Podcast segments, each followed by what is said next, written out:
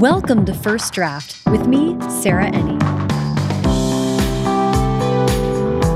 This week, I'm talking to Benjamin Dreyer, Vice President, Executive Managing Editor, and Copy Chief of Random House, and New York Times bestselling author of Dreyer's English, an utterly correct guide to clarity and style, and Dreyer's English adapted for young readers, good advice for good writing. I love this conversation with Benjamin. I so appreciate how he lays out the back end of the publishing production process. There's nobody better to give us an insight on that. His perspective on how authors and copy editors can work together to get the cleanest manuscript possible. And I loved hearing about his journey going from a behind the scenes manager to a best selling author in his own right. If you enjoy First Draft, there are a lot of ways to support the show. First and foremost, joining the First Draft Patreon, where for 5 or $10 a month, you'll get access to an exclusive community forum, monthly video chats with me, 15% off all First Draft merch, and I'll give you a shout out at the top of an episode, like right now. Thanks to Mayella, Tracy Thomas, Liliana, Caitlin Bartlett, Sarah Sylvester, Susan Yoon, Adele Griffin, Courtney Longshore, Brooke Parrott, and Manda for joining the Patreon and supporting the show. If you want to skip all the hullabaloo and donate directly to the show on a one-time or recurring basis, you can do that at paypal.me slash firstdraftpod or by donating via Venmo. The show is on there at firstdraftpod. The show notes for this and every episode are packed with great links to everything the guest and I talk about, and it's also a great way to support the show. First Draft is an affiliate of bookshop.org, so whenever you buy a book through a link on firstdraftpod.com, part of your purchase goes to support the show and goes to independent bookstores at no additional cost to you. While you're on the website, check out the shop to see all the First Draft merch. Every purchase of a sweatshirt, notebook, sticker, dad hat, it all directly benefits the show. There are a lot of free ways you can help out as well. Subscribe to the podcast on whatever app you're listening to it now, and leave a rating and review on Apple Podcasts. Ratings are tops, but reviews get read in the credits. So keep that in mind. Take the extra minute and leave a review, it's fun and sign up for the First Draft newsletter to be sure you never miss an episode and to hear about news and upcoming events. Okay, now, please sit back, relax, and enjoy my conversation with Benjamin Dreyer. So, hi, Benjamin. How are you today? I'm very well, thank you. How are you? I'm doing well. I'm so excited to talk today. I have a lot of questions. I'm really interested in hearing opinions on many things that you have to say about writing and uh, grammar and how people can express themselves. I want to start though with what you say in Dreyer's English, adapted for young readers, was your copy editor origin story. I think a sign at a local deli that said try arugula, it's the quote unquote best. the best. We're, we're both making air quotes here for people who aren't watching us.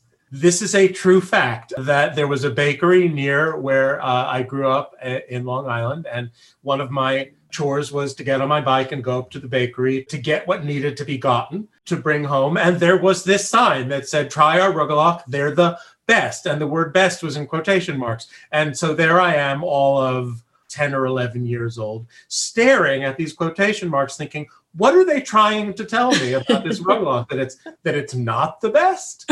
Um, even though it would be a number of decades before I officially got into the proofreading and copy editing business, clearly I was demonstrating to my brain to tuck away for use in the future the idea that there are weird and interesting things that words do and punctuation does to signal meaning.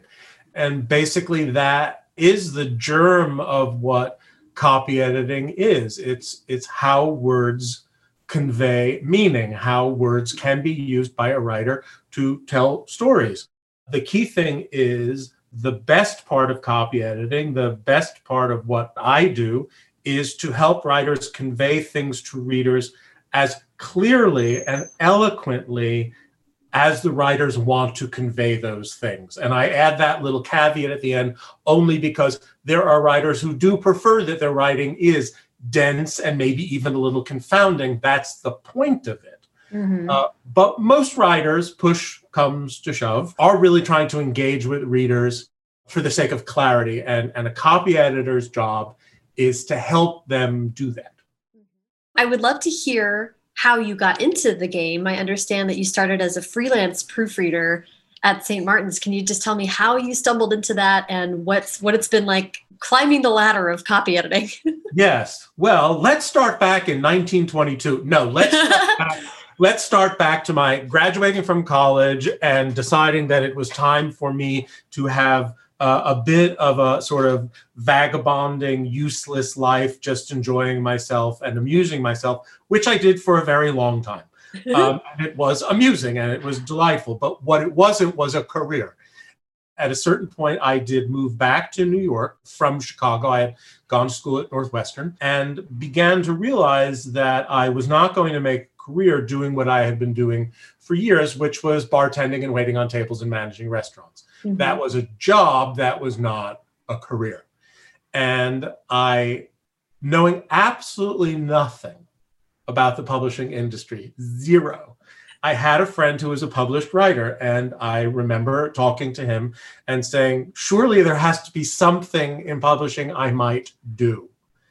And he said, because he had shared with me his work and we had discussed his work for the duration of our friendship. And he had, at a certain point, started giving me the bound galleys, the advanced copies of his books, because it was a treat. It's always a treat to see something that's not public.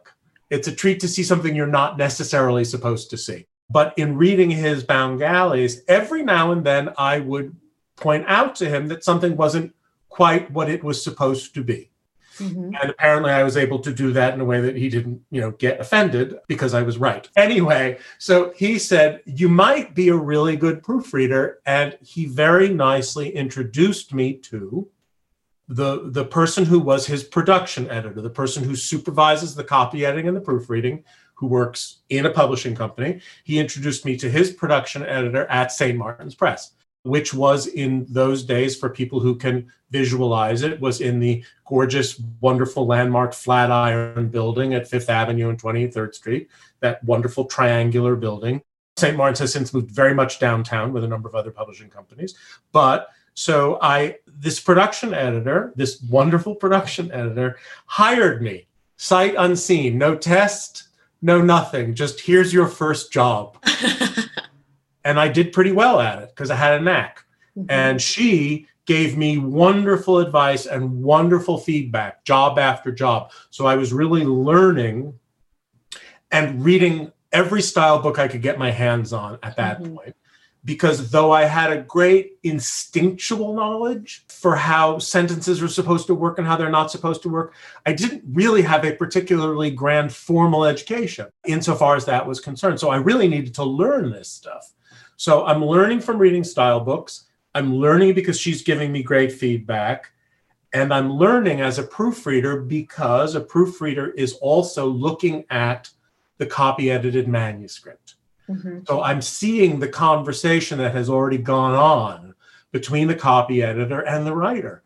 I've seen what the copy editor has suggested for improvement of text, and I've seen what writers like and what writers don't like. So I'm, I'm learning how copy editing works and I'm becoming a better proofreader and I'm building my client base to include not only St. Martin's, but I've also found my way into Random House. And maybe I'm doing a little work for Penguin as well. And I'm sorry, this is, this is a very long story that was supposed no, I love to it. Uh, but at a certain point, the woman who was the copy chief at Random House said, I have a staff position opening up. Would you be interested in having it? And I, I liked the freelance life a lot. It was fun. It's very self determining, but it also has no boundaries. The day begins when you get it to begin. And if you've bitten off more than you can chew, it could go on until two or three o'clock in the morning because you have too much work to do. To have an office job with parameters, uh, to say nothing of an office, mm-hmm. uh, was was a really sort of lovely thing. So anyway, so I took a job as a production editor at Random House. That was that was back in 1993. So I'm getting increasingly close to being there a very long time. um, in due course of time, I, I I just should assure people I didn't I didn't shove my boss out a window. At a certain point, she decided she'd had enough of working in publishing. She wanted to just go have her family and do her stuff. Anyway, I became copy chief and managing editor, which I've been for quite some time now, and that's how I got to be where I am. Amazing. I love it. Well, thank you. That's that's really helpful. I wonder if again thinking of my listeners being mostly people who are on the writing side of this. Something I've learned over doing this podcast is that writers sort of really do not totally understand how a publisher works. There's not a lot of clarity into behind the scenes stuff there. So I wonder if you could talk a little bit about what it is that your job entails now. I think you can kind of understand what being a copy editor is. You're looking through things and making notes, but what does it mean to be a production manager? What's going on under, under your purview? Sure. Well, one thing I would I would love to do to give a plug, there is a book called Before and After the Book Deal. Oh, mm-hmm. Mm-hmm. a writer's guide to finishing, publishing, promoting, and surviving your first book. It's really wonderful. And I highly commend it to anybody who is pursuing writing, who wants to know what happens when you're actually about to be published. I read it shortly before it was published, was really enchanted by it, and, and in fact, learned things that I didn't quite know, which might have been valuable to me. All right, so to talk about what goes on for the sake of writers, a house is going to contract with a writer to publish a book. Often that means that the book is more or less written from beginning to end. Of course, as we all know, some book deals are made on the basis of a couple of sentences written on the back of an envelope. And it's like, oh, now you have to write this book. but let's let's say that the book has been written and an agent has shown it to an editor and an editor loves it and an editor has decided that it must be published by my house. So once that process of acquisition and whatever it is that's going to go on between the the editor editor as i always call those people and the author you know it, it can be a couple of drafts. It can go on for quite some time. It can be a lot of back and forth. It's a lot of big picture stuff about narrative arcs and pace and all those things. It's really a very special talent. When I have spoken to the editors that that I work with about what they do and they open that door for me and I listen to them talk about what goes on between them and their writers, it's really a kind of magic and it makes me understand that there's a thing that they do and there's a thing that I do and those are very different things. Mm-hmm. So let's say the author and the editor decide that the book is is in good shape. Mm-hmm. So the, then the book is really handed over for the process of taking it to the finish line. The normal gestation period for a book, once they've decided it's ready for copy editing till the day that it goes on sale, is like a human gestation. It's about nine months. It can go a little longer, it can go a little shorter, depending upon what the what the needs are. But there are a number of things that need to occur. And, and I won't give the entire picture because we would be talking for the next five hours. But basically, what needs to happen is a book needs to be, well, it needs to have its text designed. That's a very key thing. There's a wonderful person who needs to come in and say, this is what the chapter titles are going to look like. This is what the epigraphs are going to look like. This is a good font that goes with what this book is about the text designers that I work with, very smart, very good visual artists who also read. They're not just, oh, I'll plug this into this Baskerville text because I haven't used Baskerville in a while. They want the design to match the book, to support the book. Now, so that little that little old process is going on. The place where where where my people are getting their work done is in fact in initially hiring the copy editor and as is as is I think pretty common in publishing these days, all of our copy editing is done by freelancers. There are in-house production editors who do the squiring, but the actual sit down with the manuscript for the next 40 hours you know spread out over however many days it takes is done by a freelancer. And what a freelancer is going to do as a writer who receives a copy edited manuscript is is certainly going to see ranges from regularizing and clarifying punctuation making sure that everything is spelled correctly, making sure that the writer hasn't confused two words that have the same sound but have two different spellings, to more complicated stuff like in a novel, for instance, being aware of timeline, making sure that time is passing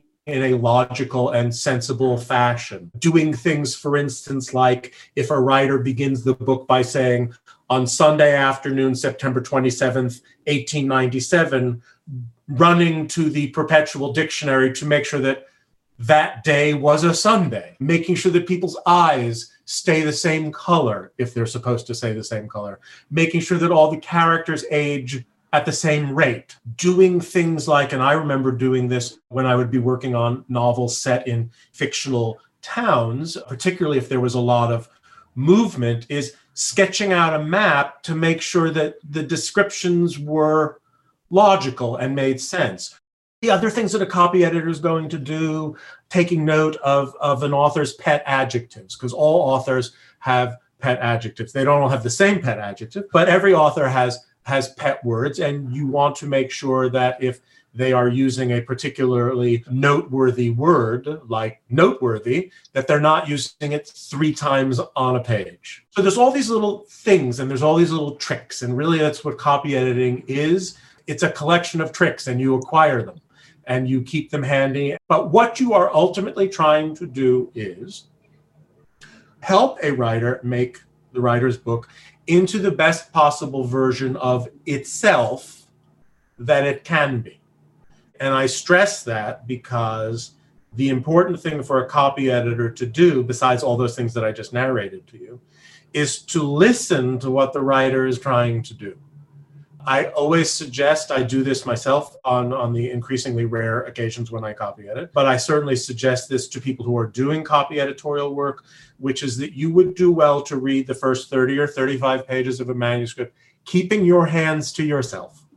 Before you start trying to figure out how to fix what's in front of you, try to figure out what's in front of you first.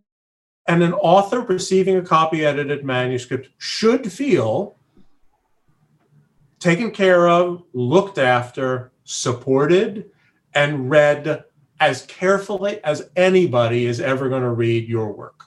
So mm-hmm. when it all works properly and and happily, nearly always it does, because we're all very good at what we do. It keeps everybody happy, and it can. It, it a, a copy editor cannot turn a bad manuscript into a great book. Even a great editor can't necessarily turn a bad manuscript in, into a great book, but you can always make something a little better, a little clearer, a little more eloquent than it was. Yes, I love that. That's so helpful. Thank you for laying all that out. So now as a production editor, you are, or production manager, excuse me, you oversee kind of a crew of freelance editors. So you are now in the position of mentoring and walking through. And I, is your role i see your role as kind of the, the keeper of the of the holy grail kind of the style guide of random house and applying it where needed?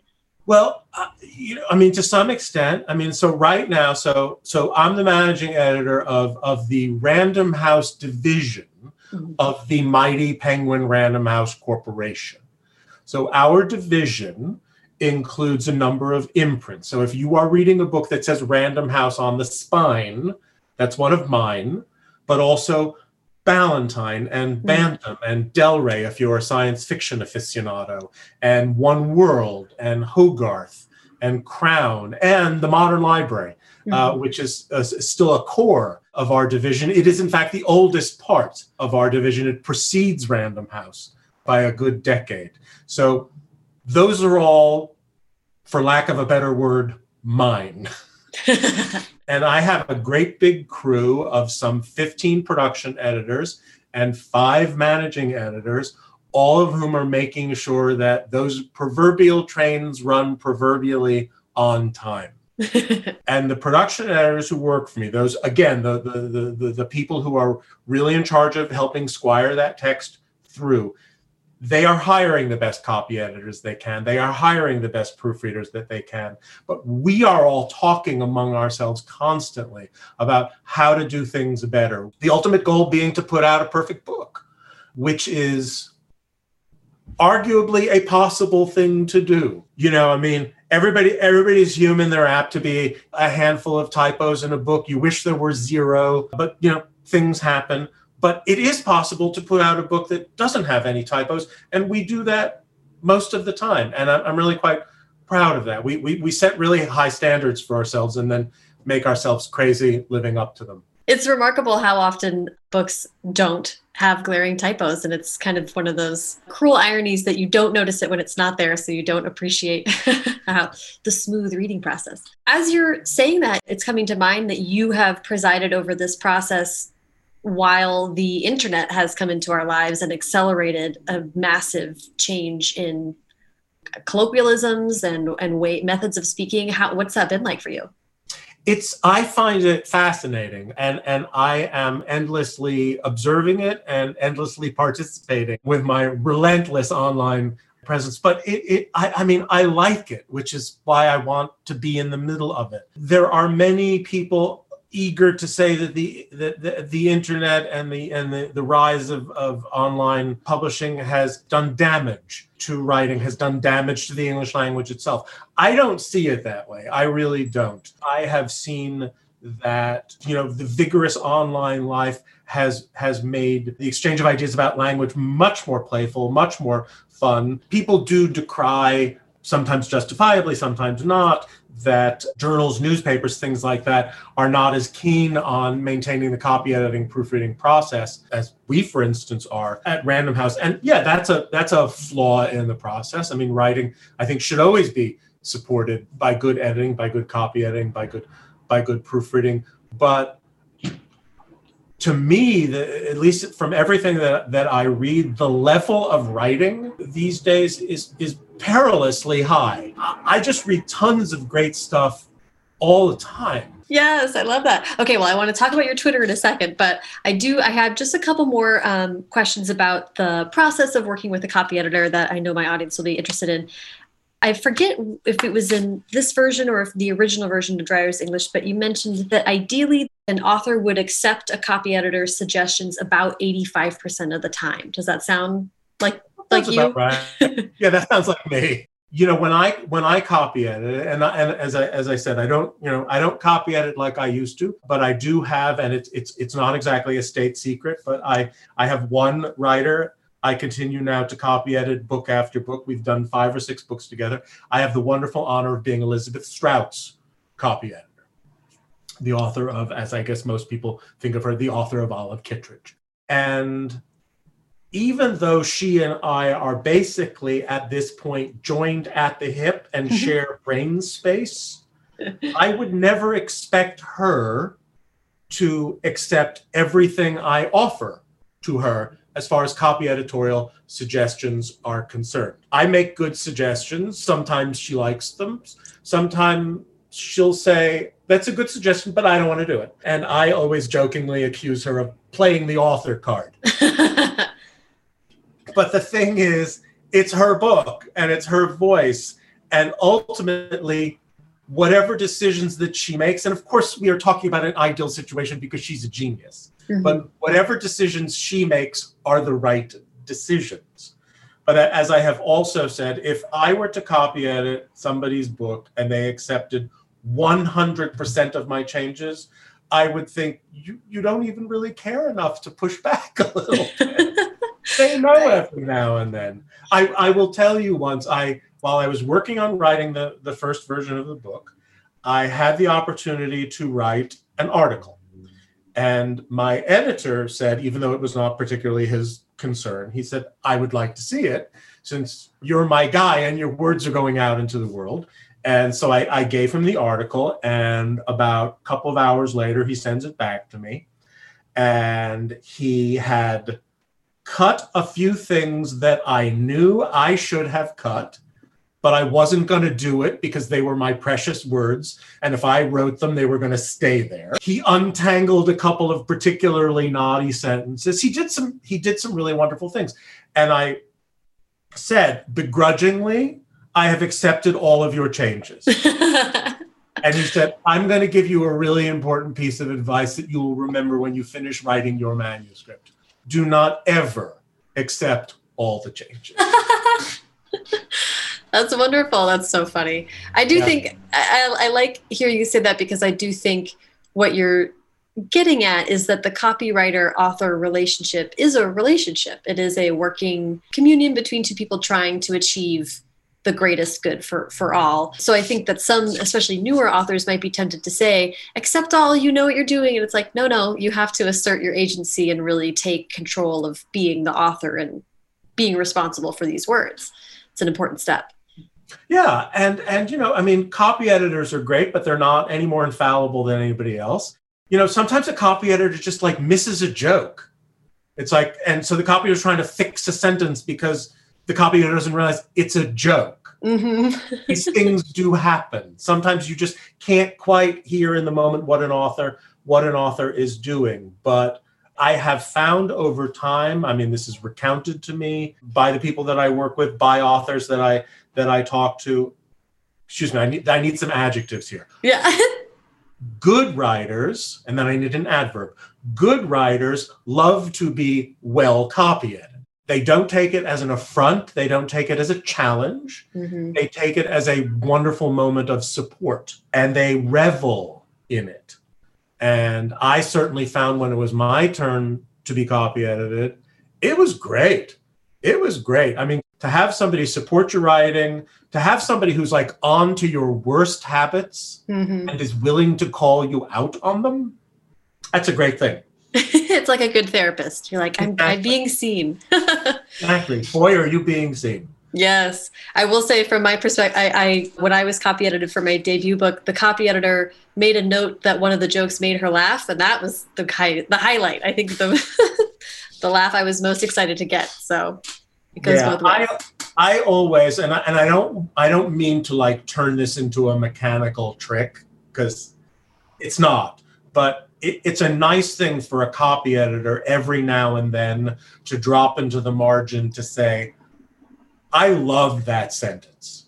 Yeah. Or, or that really made me laugh. It just, you know, it reminds the author in between being, you know, shaken about and, and pushed around and and and tweaked with it there is somebody there who's having a good time reading your writing yes absolutely so good so the last question just about this from this perspective is what if anything can an author do to or like what do you wish authors knew going into this process or what if anything can an author do to make the copy editing process easier on everybody I, think that the I think the best thing simply that an author can do. I mean, you know, authors are gonna auth. That's their job writers the writer's job is to write the book the writer's mm-hmm. job is not necessarily to try to preempt the copy editor by figuring out what the copy editor is going to query it's like that's why we have copy editors so mm-hmm. you do what you're doing do it as best you can and then i guess the only thing really that a writer can do in interacting with the copy editor and it's a funny kind of interaction because they're not meeting you know. Right. It's a file going back and forth. Even in the old days when it was paper it was like it's paper going back and forth. You're meeting on the page which is kind of mm. cool. The best thing that a writer can do really is simply pay attention to what the copy editor is doing to to not necessarily only look for the queries mm-hmm. but to look for the stuff that the copy editor has done with copy I mean, copy editors don't ask permission to fix a misspelled word. They don't even ask permission to like fix your punctuation. It's it's kind of understood that any change that's made has inherent in it is this okay with you? Mm-hmm. You just don't say is this okay with you a hundred thousand times. You just you just do it. Mm-hmm. But an author should take the time that the author has possession of the copy edited manuscript and really just thoroughly go through it change by change listen to what the copy editor is doing in the same way that the copy editor was trying to listen to what you're doing mm-hmm. and if that works out right it's only going to lead to a set of pages you know your first set of page proofs the ones the pre-proofreading mm-hmm. the ones that are theoretically still full of little glitches but it's going to lead to a very clean set mm-hmm. um, of pages. it's one of the things that I like, and it's it's it's it's as much a testament to her as it is to me, and the sort of the strength of her personality is that once I have finished copy editing one of Elizabeth Strout's manuscripts, and she's finished reviewing it, when we go to pages, she doesn't do anything. Mm-hmm. I don't have that level of confidence. But, but she, in reading her typeset pages, it's basically, yes, this is what I meant to do. Whatever it was that you, Benjamin, were fooling around with, we've agreed to it. And the book's done. Mm-hmm. And she reads it very carefully, and she'll find a typo as easily as well as anybody else will. But she's not, she's finished fussing around with it. I don't urge that kind of restraint universally for writers because, for one thing, most of them don't possess it but also because i didn't you know i didn't possess it either. I was very well copy edited but once we got to page proofs yeah i had little things i wanted to fix here and there. It's like there, there's a shock about seeing something typeset mm-hmm. it's almost as if you've never seen it before and it makes you see things you never saw before. The the balancing act of that is that you just have to make sure that you haven't reached the point where you're so tired of looking at it that you're not paying attention. Mm-hmm. It's you know it's a very important thing once you get to page proofs. Really, pay attention. This is your last chance. You know, so get in there and just make sure it's the way it's supposed to be. Don't rewrite the thing, but just make sure it's all a okay. Yeah. Yes. I think uh, we've all had that experience of you change a font and all of a sudden it's brand new and right. terrifying. Okay, I want to talk, I want to kind of shift to talking about you, yourself, and your creative writing. From reading interviews with you, I understand that you were sort of creatively writing in the background anyway, but I want to know how or if that also intersects with starting your Twitter account in my very early 20s, I had done some sort of local freelance writing for uh, a newspaper in Chicago, and I kind of like that. I was pretty good at it, but I had wanted to try my hand at fiction, and and it was just it was the wrong time mm. for me. I just wasn't able to to to connect with that. It was too tense. It was too anxious. And I remember a friend saying to me, "There's nothing worse than being in a constant state of I'm not writing." Oh. So finding my way into publishing, and I and I would also like to underline that I never saw myself as a copy editor, and I don't think that other copy editors see themselves as frustrated writers. Mm-hmm. You know, it's like, well, if I can't if I can't write my own writing, I'm gonna like mess around with somebody else's. It's like that's not really it. They are different skill sets. Mm-hmm. But you know, many years pass. I'm having a wonderful and entirely fulfilling career as a production editor, still doing occasional copy editing, but I have a lot of jobs, so there's less copy editing going on. But I get it into my head that I want to try my hand at it again, writing. And and it, becomes a literal New Year's resolution of mine. I it was we were having we were having dinner and I said my New Year's resolution is I'm going to start writing a little bit every day. And I did. And except being, of course, a person who works in publishing, the idea of writing for no particular purpose mm-hmm. Other than self amusement was mm-hmm. sort of anathema. it was like, well, if you're going to write, then maybe you want to think about writing for publication. Mm-hmm. And even though I, I do not urge universally the whole write what you know thing, because, you know, you should write, I don't know, you should write what you don't know too. But the one thing that I did know was copy editing. And I thought, I would like to write a book about the copy editor's experience. I would like to write basically a, a style manual of sorts, not a, you know, not something that's going to supplant the Chicago Manual of Style, but something that is about what I do that writers can learn from and and enjoy. That's the book that I wrote. I, I will say it was not easy. I will say that it took a lot longer than I or anybody else thought it was going to take. I remember when I was getting started, uh, a number of writers that I knew offered me variations on the same idea, which is you will go through every existential crisis that you thought you already went through and all the ones that you didn't even know about. and and it happened. I mean, I had my I had my I have no talent moment. I had my why does anybody want to read anything that that I want to write?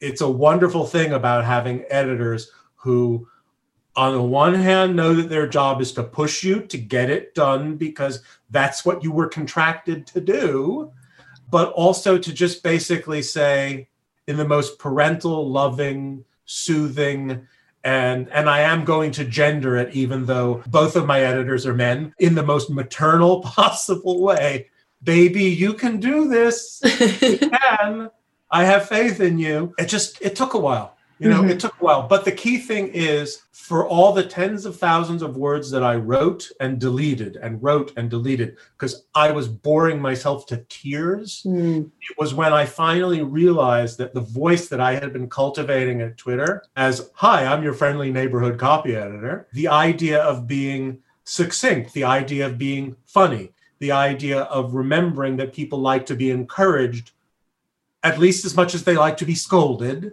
Mm-hmm. Uh, that if I could get all of that in one place and get it down on the page, I might have a book. Yay! And, and, and truly, it was it, that that eureka moment for me was, oh, that's your voice. So get that down on the page. Mm-hmm. And, and I will say that one wonderful landmark moment is that when when I gave the Bound Galley of Dreyer's English to my mother to read. She was, of course, eager. She'd been waiting a very long time for it. She read it and she said, It sounds just like you. And I thought, well, okay, then I did it right. I want to, I have a few questions about Dreyer's English, and we're talking about the first version, which is Dreyer's English, an utterly correct guide to clarity and style. I wonder if you can, you've, you've done a good job of kind of saying basically what it is, but can you just pitch the book for us?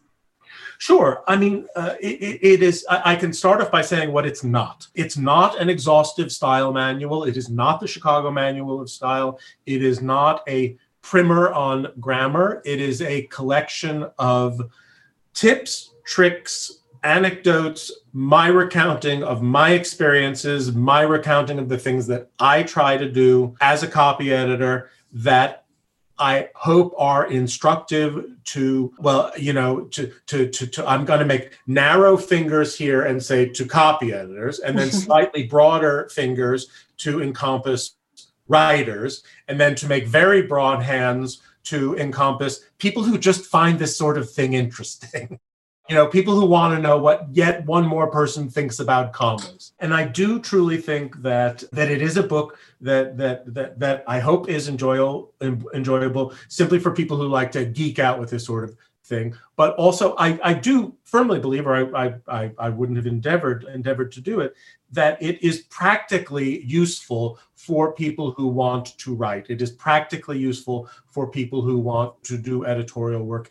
It has lessons, it has tips, it has ways of showing you things you might not have thought about because you're because you're not me. Mm-hmm. Uh, so yeah, it's intended to be useful. It's intended to be informative.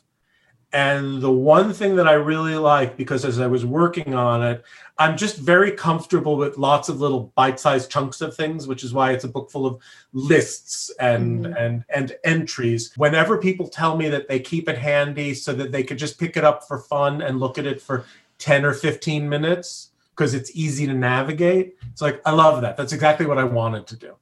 It's yes. A, it's, a book, it's a book that you just want to like, you know, keep handy. Yeah, I'm perennially worried about inside or outside of punctuation marks. So I'm always like, let's just refer back and see if we're doing this right. It's very useful for that. The initial version comes out. It is, you know, it's kind of reminding me of you saying, telling authors that there is a human person on the other side of the copy editing that's how it felt it felt like hearing from the copy editor who is has opinions and is funny and, and has a personality all their own is not just a nitpicky red pen basically i'm interested in hearing from you like it's not a grammar guide. A style guide is a very particular way of saying it because it's also about the types of things that authors bring in there. At, at some point you talk about i think this is a quote right from the book peppering your writing with show-offy allusions to underappreciated novels obscure foreign films or cherished indie bands. A novel is not a blog post about your favorite things which i love. So it's it's not just punctuation it really is sort of like how can you express yourself in a way that in your experience is, is best for the reader? Yeah and of course it is i mean it, it is a book that has a lot of sort of little sort of practical trivia about spellings and, and misspellings or about words that are easily easily confused with one another. And in part it's it's simply oh these are the things that people get wrong most often so maybe i can help you not get them wrong most mm-hmm. often but also it's it's constantly trying to simply get people to be not excessively self-conscious but simply more conscious mm-hmm. uh, of what they're doing there's also stuff in it in, in the sections about the writing of fiction about authors and their pet words and and and perpetual calendars and how people characterize speech and how writers often, I, I think sometimes, excessively think that they are conveying characterization by people carrying coffee cups from one place to another and simply saying, that's not as interesting as you might think. And there are ways to express character, but they are not necessarily in the conveyance of coffee cups. It's about making people who are taking their shot uh, at writing to give them a little sort of information, a little sort of support, a little sort of boost, so that maybe they can feel more confident before they are are looking down the barrel of a copy editor. Mm-hmm, mm-hmm. You know, and and and particularly for people who who are not formally entering the the the publishing process, people who are really just who are in fact blogging about their favorite indie band, uh, which is a perfectly noble cause. Uh, but not everybody gets a copy editor. Not mm-hmm. everybody gets an editor at all. So that is one of the other things that I'm hoping the book is doing is ultimately you cannot entirely be your own editor. Mm-hmm. And I urge anybody who is writing with an idea of making their work public on a regular basis to or or any basis to to to find a partner to find a buddy to find a friend somebody who will read your work while they're reading your work because mm-hmm. an extra set of eyes is an invaluable thing.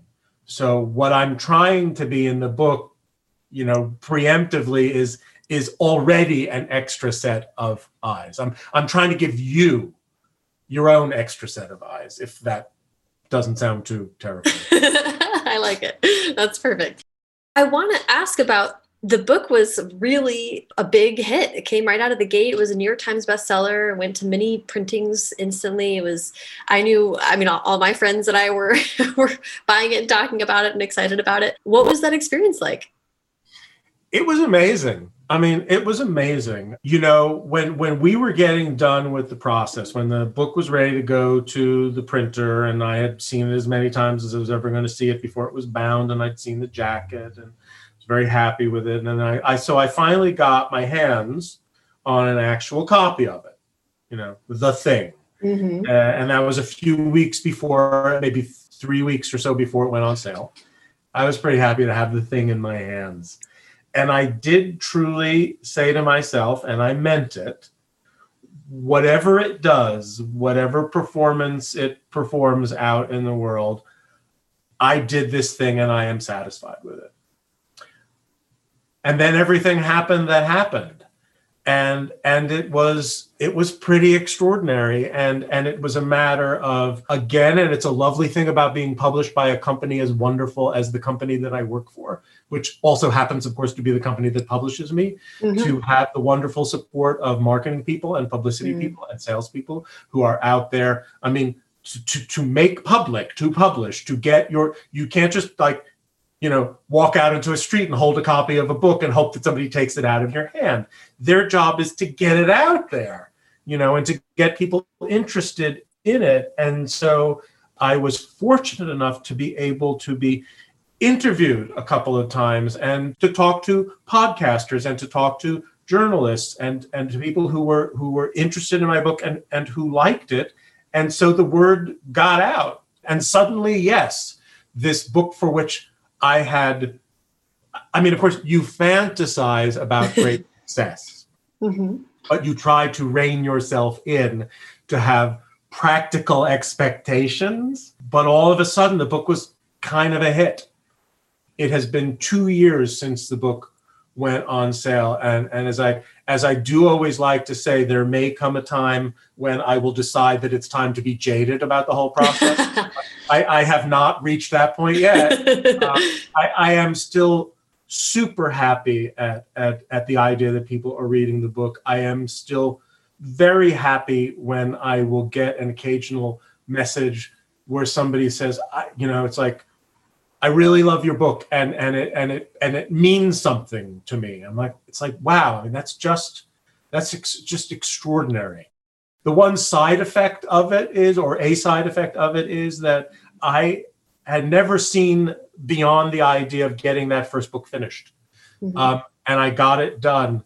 And and then I thought, huh, I wonder what else am I might have to say. so I am now be, beyond the book and beyond the young person's version of the book, and beyond, as you may know, the card game and the calendar. I think that's enough. I think that's enough product and swag uh, for one. But I am now at work on another book. That's uh, exciting and it is exciting. And uh, non- another nonfiction, another nonfiction book. You know, of course, you know my my publishers.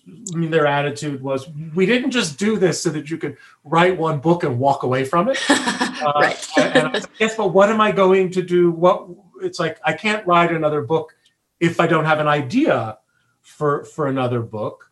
And and they were encouraging me to to you know not to not to cannibalize the book that I had written and to just do it again because who who would want to do that but to find an angle mm. and and and well what I can tell you is that I had written this little piece for online publication. It took me all of 45 minutes to do it because it was just the easiest thing on earth. I took the opening paragraph of one of my favorite novels, Shirley Jackson's The Haunting of Hill House, and I broke it down, copy editorially speaking mm. semicolon by semicolon, adverb by adverb. What is she doing? Why is she doing it? How is she doing it? How does it work? An editor friend of mine said, I would read a whole book of that. Mm-hmm. And I thought, there's an idea. And so that is indeed what I'm doing. So the next book is going to be called, because it's the right title for it, it's to be called Dreyer's Fiction. And I am taking any number of passages of works of fiction that I love, and I, I just wanted to focus on fiction because because I wanted to, and I am looking at these chunks of text and discussing what they do and how they do it and why they work on a very I hope practical level. I mean, I'm not a literary critic and it is not a work of literary criticism. It is intended to be, as the original book was intended to be, amusing and useful in more or less equal parts. That's excellent. And I'm having a very good time doing it, and it's giving me the opportunity. It's it's really tough work. You know what I do? I read books I've already read, and I dream. take and I take notes, um, and I and I and I look for stuff to talk about, and I'm having a very good time doing it. That's uh, excellent. I want to talk quickly about adapting it for young readers. It's such a great idea. I write YA and I talk to a lot of people who write for young adults. So I think about I think about it all the time what a young audience is thinking and how they are interpreting what you're writing. What made you decide that this was a, a good next step for the book to adapt it for young readers? The thing is, it wasn't my idea. um, it was the idea of the people who publish books for young readers that mm-hmm. this book would do well to be adapted and for younger readers. And and this is the thing that I know happens, you know, from time to time. You know, Michelle Obama's book Becoming adapted for younger readers. Bryan Stevenson's Just Mercy mm-hmm. adapted for younger readers. And and and and so they came to me and they said we we would like to we would like to do this and I thought, oh, well, that's a really cool idea. I said, but I wouldn't necessarily know how to go about doing it. It's like you want to aim this book at a market of re- readers who are, you know, 10 to 15 years old. I don't know a lot of 10 to 15 year, year, year old young people. And so it became a particularly collaborative process. I was very well edited. I was very well guided. I mean, some of it is simply abridgment. Mm-hmm. Some of it is, yeah, well, this is a little salty for 10 year olds. So let's, tone that down a little bit. And some of it was, and you, you know, it's like when I was growing up, the, the buzzword was relevant. Is this relevant? Is this mm. relevant to the young people? Mm-hmm. And and but the idea is not relevance, but it should be relatable. Mm-hmm.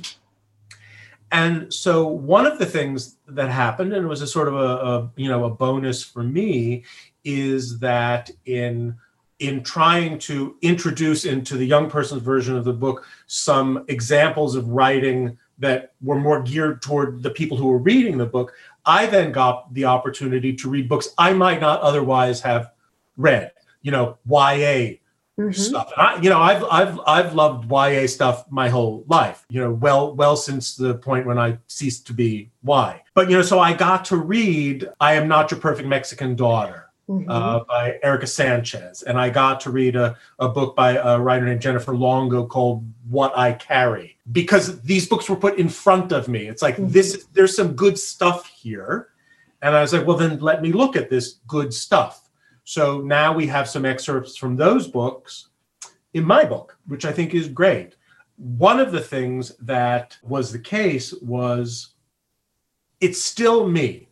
You know, it's still my book, it's still my voice, it's still my writing. It still sounds like me. Mm-hmm. And and I, and I you know, as I've said, and particularly, you know, now that I've been through the whole all over again the editorial and copy editorial process and i look at it and it's like oh it's you know it's pretty sophisticated it's still pretty sophisticated but i'm also realizing that young readers are also pretty sophisticated and the thing is I hope that it finds a readership of people who are interested in this sort of thing. You know, mm-hmm. God bless English teachers. God bless, well, God bless all teachers, but God bless English teachers who I know work very hard to engage students who are not naturally inclined to be interested. Mm-hmm. Uh, and I think that's a that, that's a big task. That's a big effort. But for potential readers who like this sort of thing, I hope it's the sort of thing they're going to like. well, one thing that came to mind, and we're kind of looping back to something we talked about at the top of the interview, is the amount of writing that people do now with the internet, with text messaging, with all of the, I mean, like, in my opinion, I think that young people now are writing more than almost any generation ever. And that has always stood out to me when people, uh, not you or not I certainly, but when people malign how young people talk or or memes speak or i I'm like, but the point is that they know why it's funny. Young people have been writing so much their whole lives that they know what rules they're breaking a lot of the time, which yeah. is very sophisticated. So it struck me as like this is a very pertinent book for a generation who writes constantly. Yeah and you know, and I think that I, I would like to think that that the readers for this new version of this uh, of the book are are smart enough. As I say up front, it's like a, a text message is not an essay. Right. a text message is a text message. Mm-hmm. You know, in this in the same way that for us grown-ups, you know, writing, I mean, Twitter is almost its own language. Mm-hmm. It's, it's not quite like learning French, but it's it's learning how to Twitter and writing for publication is a different thing than than sending a message sending a message to your friends mm-hmm. i mean i i would not necessarily want to publish the way i text right I, I, I am i am no more formal in my texting than than anybody else is but there's a difference between texting and writing but the thing is there's overlap and there's good stuff that you can borrow from the vigor and vivacity mm-hmm. of, of mm-hmm. how you communicate online and get it into your writing Mm-hmm. And and and the same thing applies to to to everybody. It's like you learn the rules so that you can not ignore them, but so that you can let go of having learned them. Mm-hmm.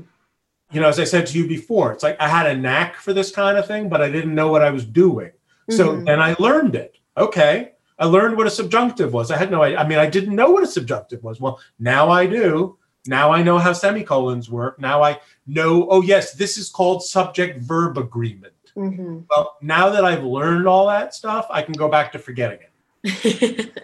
right. And go right. back to being an, an instinctual writer. Is there anything else about this version for young readers that you wanted to talk about or make sure we got to? I don't know. I mean, I when I when when we did the first version of the book, I 100% knew what I was doing. I 100% knew who my audience was, and mm-hmm. I figured if I did it right, I would hit that audience right now. I have to say, in the run up to the publication of this book, I think I've done it right. but we're going to find out. You know? and, and today's month. I'm sorry, the day that we are speaking, whenever it is that you send these words out into the world. In any event, from the conversation that we are having right now, the publication of this book is a week away. Mm-hmm. And it is going to go out, and I hope it works. I, I hope that it finds a readership. But in the same way that when I finished the first version of the book, I said, whatever it is that happens, I've done something that I'm happy with. Mm-hmm. I am happy with this. I like it. I think it's good. I hope other people think it's good as well. There was a moment for me, a good moment of clarity, which is as was the case with the original version of the book, I got to record the audio version uh, of, of this new version of the book. So I got to sit in a studio for the better part of three days and read the whole thing out that is a very good way and it's one of the things that i do suggest to to to the people who are reading either version of the book one really good way to to test the efficacy and eloquence of your own writing is to read it aloud. You can hear it. You can hear what works and you'll hear what doesn't work. Well so i sat there for three days and i read it out. And by the time i was finished i thought yeah this is good. I like this. That's great. That is passing a huge test. You are you are right about that well, I wanted to wrap up with with I'm hoping you'll you'll indulge me because I think that you and I share feelings about as as you are the keeper of the Random House style guide, I've heard some of your discussion about the New Yorker style guide, and I'm hoping you'll indulge me in some sure. discussion of the the confounding way that they decide to do some things that just my friends and I can't get enough of like screenshotting some of their decisions are truly bizarre. This is the thing about the New Yorker, and I know people who I know people who have written for the New Yorker. I know people who do, do editorial work at the New Yorker, and and I can tease and poke at them with with with a reasonable sense of humor, even though yes, certain things they, they do absolutely make my eyes just bleed. This is the thing. The New Yorker is the New Yorker, and as a number of people I know have said, no, I like their weird style. I like teenaged with a hyphen. I like the umlauts all over the place because I know I'm reading the New Yorker. So that I am true. connecting, I am connecting with a magazine that has existed for the better part of a century. I I step into the New Yorker and I become a part of history. um, you always know that you're reading the New Yorker. You know, my idea of, of, of style, my idea of Random House style is the best thing I can say about Random House style is that you don't know that it's us. Right. You know, you, you you're never going to pick up a book and go, oh, that that's one of Benjamin's, isn't it? um, no, because it's not one of mine. It's one of the writers. But the New Yorker must be allowed to indulge itself in its New Yorkerness. and I suppose if they stopped doing it, if they stopped spelling focused with two S's, and I think even in England they don't spell focused with two S's, if they stopped doing it, I suppose we would all be sad. That's true. That's true. Another timeline. and, and whom and whom would we make fun of? That's true. It's true. It was uh, fun to to read about and to delighted with my friends of being like, it's confounding. But you're right. You certainly know what you're reading or where you're reading exactly. it. Exactly.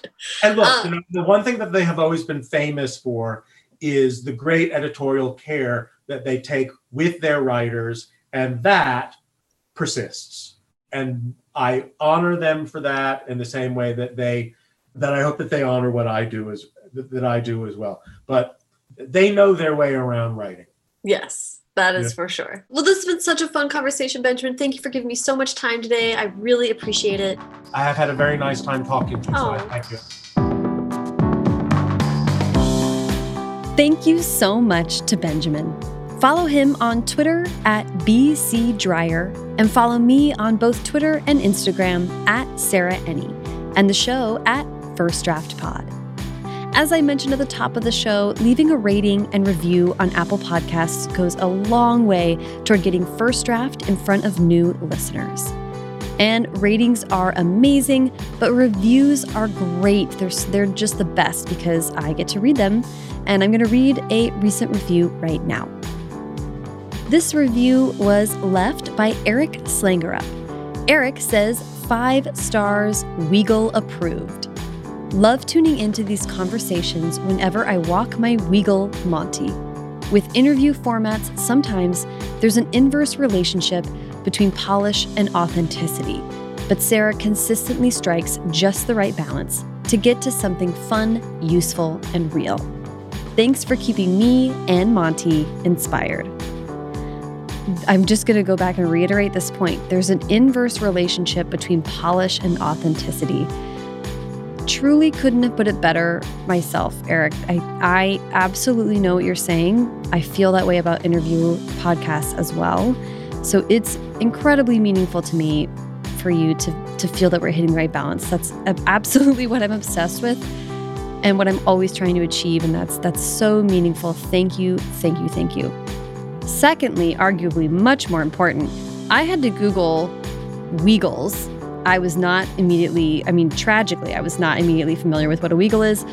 It is a mix between a dachshund and a beagle, and it's the cutest thing I've ever seen in my whole life.